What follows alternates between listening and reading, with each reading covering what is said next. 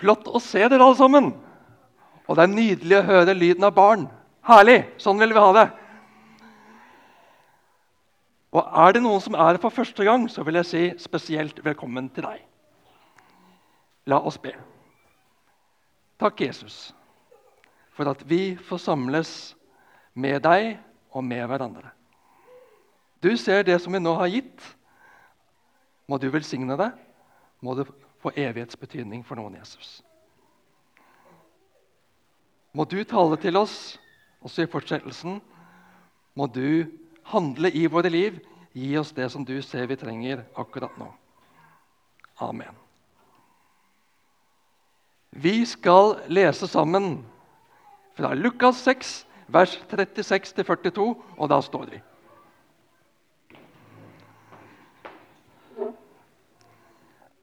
Vær barmhjertige, slik deres far er barmhjertig. Døm ikke, så skal dere ikke bli dømt. Fordøm ikke, så skal dere ikke bli fordømt. Ettergi, så skal dere få ettergitt. Gi, så skal dere få. Et godt mål, sammenristet, stappet og breddfullt, skal dere få i fanget. For i det målet dere selv måler med, skal det også måles opp til dere. Han fortalte dem også en lignelse. Kan vel en blind lede en blind? Vil ikke begge falle i grøfta? En lærling står ikke over sin mester, men når han er utlært, blir han som sin mester. Hvorfor ser du flisen i din brors øye, men bjelken i ditt eget øye legger du ikke merke til? Hvordan kan du si til din bror, 'Bror, la meg ta flisen ut av øyet ditt', når du ikke ser bjelken i ditt eget øye? Din hykler! Ta først bjelken ut av ditt eget øye.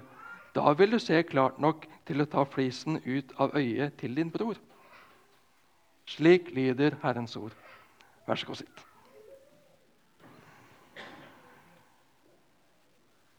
Hvorfor skal kristne alltid være så fordømmende? De hører jo ikke selv på hva Jesus sier. Han sier det helt tydelig at en skal ikke dømme. Du skal ikke fordømme. Punktum. Ja, det er det jeg tenker. Det er best å ikke blande seg. Jeg lever mitt liv, og du lever ditt liv. Jeg skal ikke blande meg opp i hva du gjør. Det er jo ikke min business. Så lenge den ikke skader andre, så må det vel være greit. Er det slik Jesus vil at vi skal forstå ham? Er det det han sier? Her kjenner jeg at det er vanskelig å si noe både den ene og andre veien uten at det skal få slagside. Men jeg skal prøve å si noe om dette. Men jeg vil først og fremst at du, hver enkelt av oss, grubler på, graver i, prøver å forstå hva Jesus vil si deg og meg i vår hverdag med disse ordene. Det ble sagt i én setting for nærmere 2000 år siden. Og vi tror at det er like gyldig i dag i vår setting. Men hvordan skal det praktisk anvendes i de relasjoner du og jeg står oppi nå? La oss ta den utfordringen i lag i dag. Veldig spennende om det kan bli samtaleemne når vi siger ut i foajeen etterpå. Det første som kom opp i meg i møte med disse ordene denne gangen, det var en opplevelse noen år tilbake. Jeg ser for meg turen på markedet i et sydligere land. Hun som solgte, hadde ikke vekt, slik som hun på dette bildet har. Mais og ris ble målt i bøtter. Hun fylte opp med god haug på bøtta. God prat og et godt smil. Relasjonen var like viktig som businessen. Som Eivind sa innledningsvis, Jesus taler til mennesker som har kommet til tro i disse ordene. Og formaner til å virkeliggjøre i praktisk liv overfor andre den Guds nåde en selv har fått ta imot. Nåden jeg har fått, som jeg får leve på og leve i. Hvordan synes den i mitt liv i møte med andre? I forkant av avsnittet vårt så har Jesus forklart at kjærlighetsbudet inkluderer også våre fiender. Kjærlighet til de som på en eller annen måte oppleves som motstandere. De som vi ikke liker. Idet vår tekst begynner, så kan det være grunn til å tro at Jesus ikke minst fester blikket på disipler med lederansvar og sier, 'Vær barmhjertige, liksom også deres far er barmhjertig'. Siv og jeg fikk anledning til å være med i begravelsen til Mathias Mjølhus nå i sommer. Evangelist og Tanzania-misjonær Mathias Mjølhus var her i Misjonshuset og talte i mars. 79 år, vital og med glimt i øyet. Men rundt 17. mai så følte han seg dårlig. Fikk påvist kreft i juni og døde med fred og himmelklar en måned senere. Rune, sønnen, fortalte i minnetalen i kirken bl.a. om evangelisten Mattias, som framfor alt var opptatt av at folk måtte bli frelst.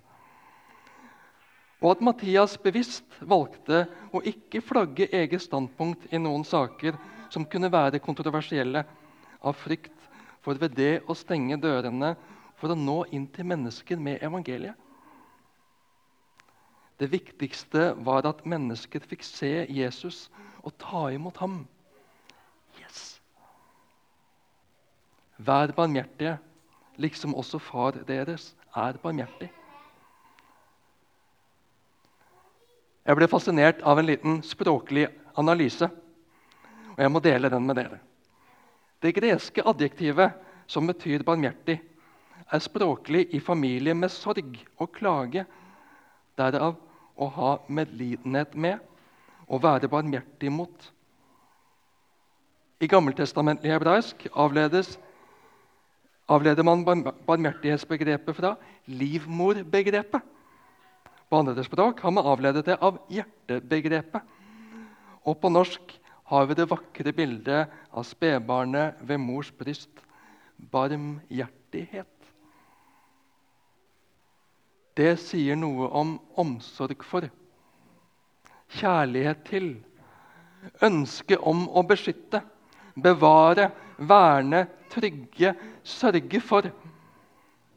Også våre fiender, også våre motstandere, også de som vi er dypt uenige med. Gud er også deres far. Så fortsetter Jesus med noen konkretiseringer. Døm ikke, så skal dere ikke bli dømt. Fordøm ikke, så skal dere ikke bli fordømt. I parallellteksten i Matteus 7 så leser vi Døm ikke for at dere ikke skal bli dømt. Etter dommen dere dømmer med, skal dere selv få dom. Og i samme mål som dere selv måler med, skal det også måles opp til dere. Her ser vi at Jesus lærer oss å sondre mellom ulike ting. Disiplene bør foreta etiske vurderinger og bedømmelser. Og vi bør dømme rett om vranglære. Vi skal ikke skru av hodet og ikke tenke og bedømme bare det føles godt.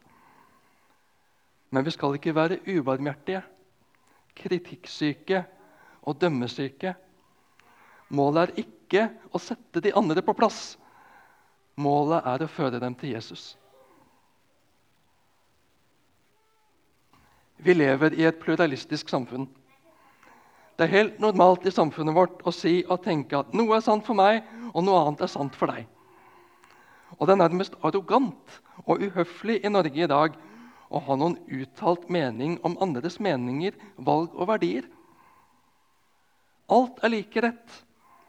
Jeg må ikke finne på å si noe annet.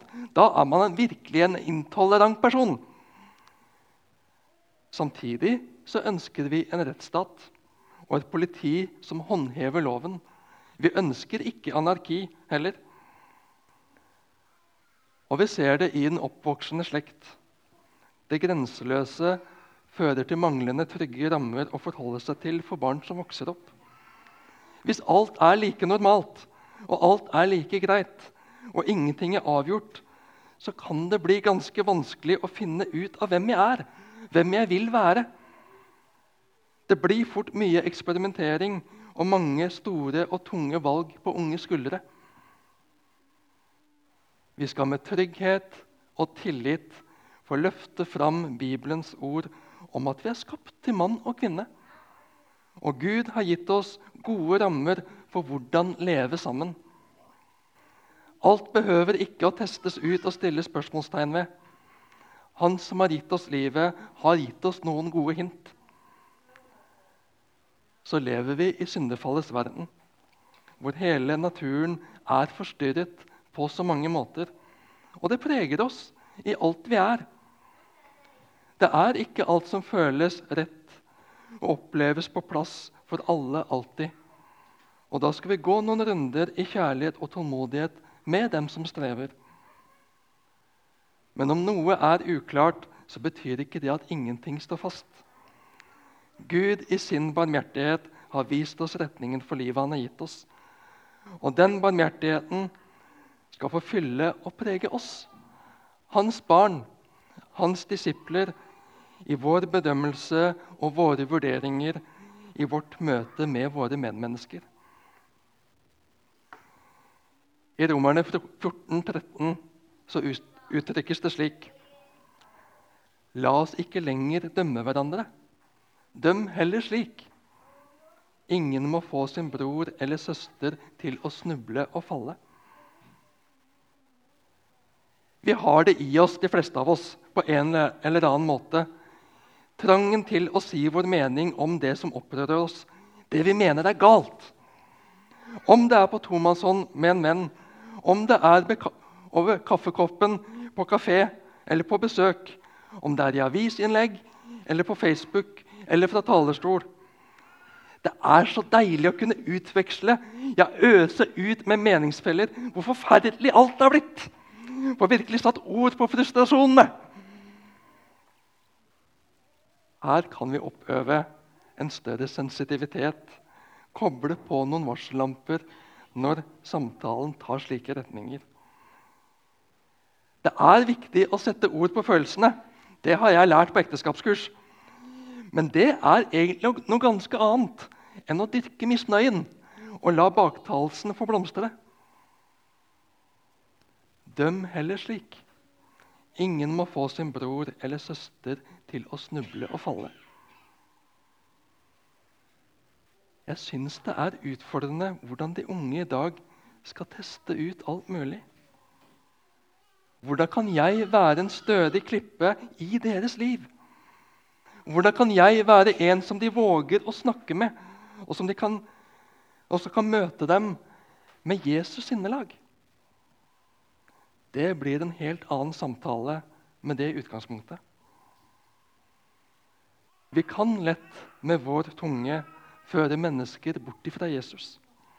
Og det er jo absolutt ikke det vi vil. Med Hans kjærlighet, omsorg og barmhjertighet få prege oss i møte med alt som dukker opp i kulturen og samfunnet vårt blant våre medmennesker. Så trenger vi samfunnsdebatt. Vi trenger noen som er villig til å skrive kronikker og leserinnlegg. Noen som tar utfordringen når media ringer og vil at den stiller opp til debatt. Kristne som står støtt i tillit til at Bibelens ord og veiledning holder også i dagens samfunn i 2019. Og Noen slike er vi heldige å ha som medlemmer i vår forsamling, i vårt fellesskap. La oss be for dem, takke oppmuntre og heie på dem. Så skal ikke alle skrive i avisa eller stille til radiodebatt. Men vi skal heller ikke tenke at de tar seg av det. De er så flinke. Ingen er født flinke. Så kan vi gjerne øve oss på hverandre til å argumentere og kommunisere saklig, ordentlig og med kjærlighet, troen som vi har, Jesus som vi følger, og Guds ord som ikke har gått ut på dato. Så vender jeg tilbake til denne dama på markedet. Ja, Det ble til at vi vendte tilbake til henne når vi skulle handle. For der følte vi oss godt tatt imot. Der var det trivelig å være. Det var trivelig å handle med henne. Hun var ikke ute etter å lure oss. Hun var ikke bare ute etter pengene våre. Det ble en trivelig relasjon ut av det. 11. september skal vi ha en liten kurskveld her i Misjonshuset. Da får vi besøk av Kirkens SOS, som skal lære oss noe om å snakke med folk. God å snakke med, heter kurset. To fra vår forsamling sitter i forstanderskapet i Kirkens SOS Agder. Og andre er med som telefonvakter. Det er en viktig diakonal tjeneste. Å møte mennesker og være der for mennesker i en sårbar situasjon. At det er noen å snakke med, noen som vil lytte. Ikke dømme, men noen som vil være nær meg når jeg virkelig trenger det. Jesus er god på lignelser og talende bilder. Kan vel en blind lede en blind? Vil ikke begge falle i grøfta? Min blinde bestefar slo en vits på dette i ny og ne. Om hvordan det ville gå om han og hans blinde kamerat skulle lede hverandre ut på tur.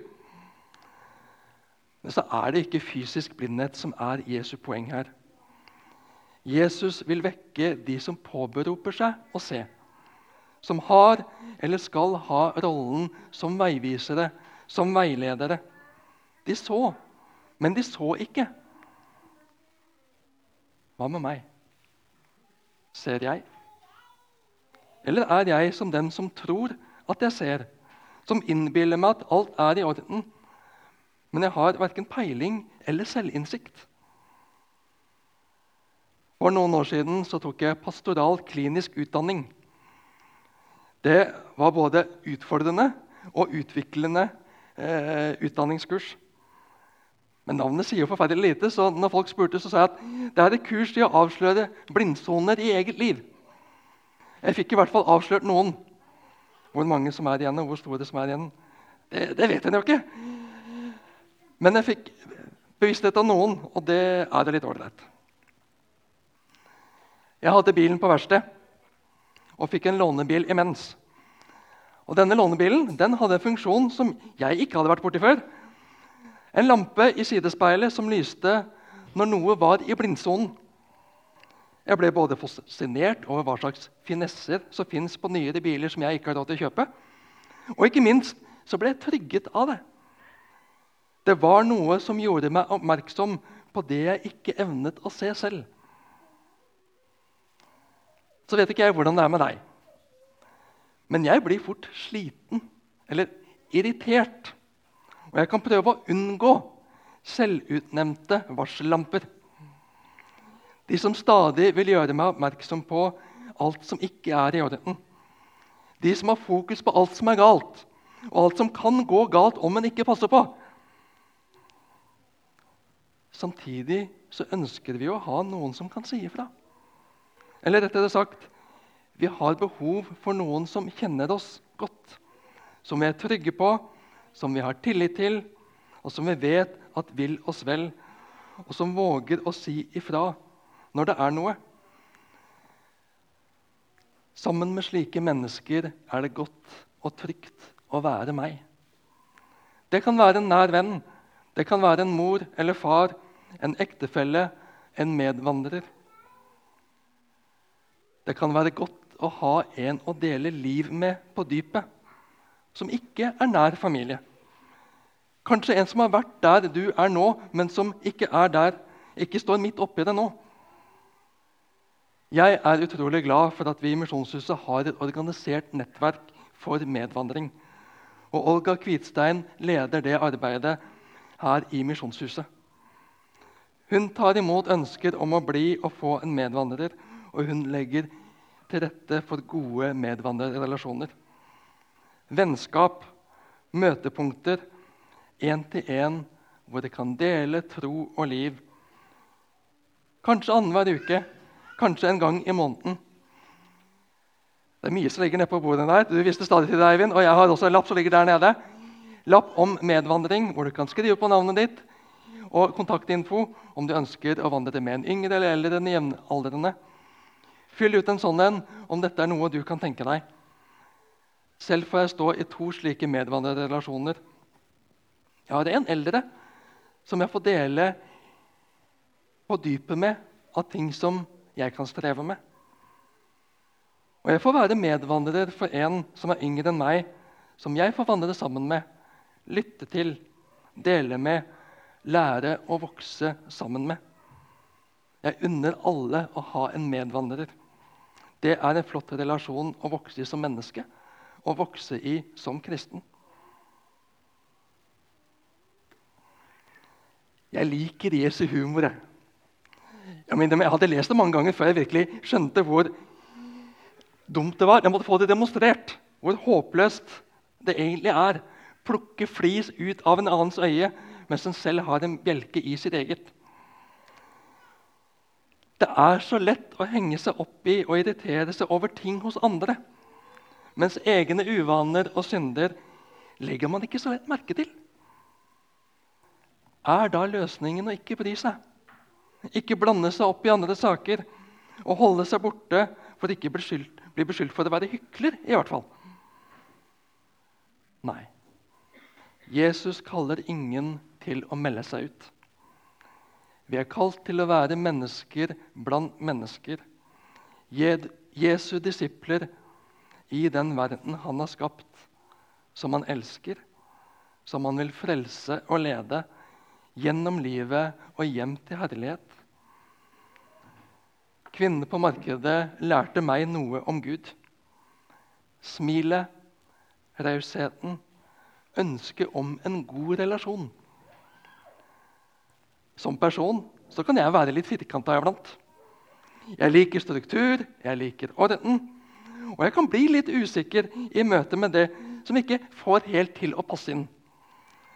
Da trenger jeg å se på kvinnen på markedet og på Gud. Rausheten som jeg ble og stadig blir møtt med. Nåden som jeg er avhengig av. Jeg har en utfordring til deg nå mot slutten av talen. Hvilke relasjoner ønsker du å styrke denne høsten? Hvem kan du være en trygg medvandrer for? Vil du spørre Jesus om det? Ta en prat med Jesus om det. Visjonen er klar. Intet mindre enn verden for Kristus. Som organisasjon, som forsamling, som menighet og som enkeltpersoner er målet vårt at flere skal få se og møte Jesus. Slik vi har fått møte ham til frelse og nytt liv i hans kjærlige favn.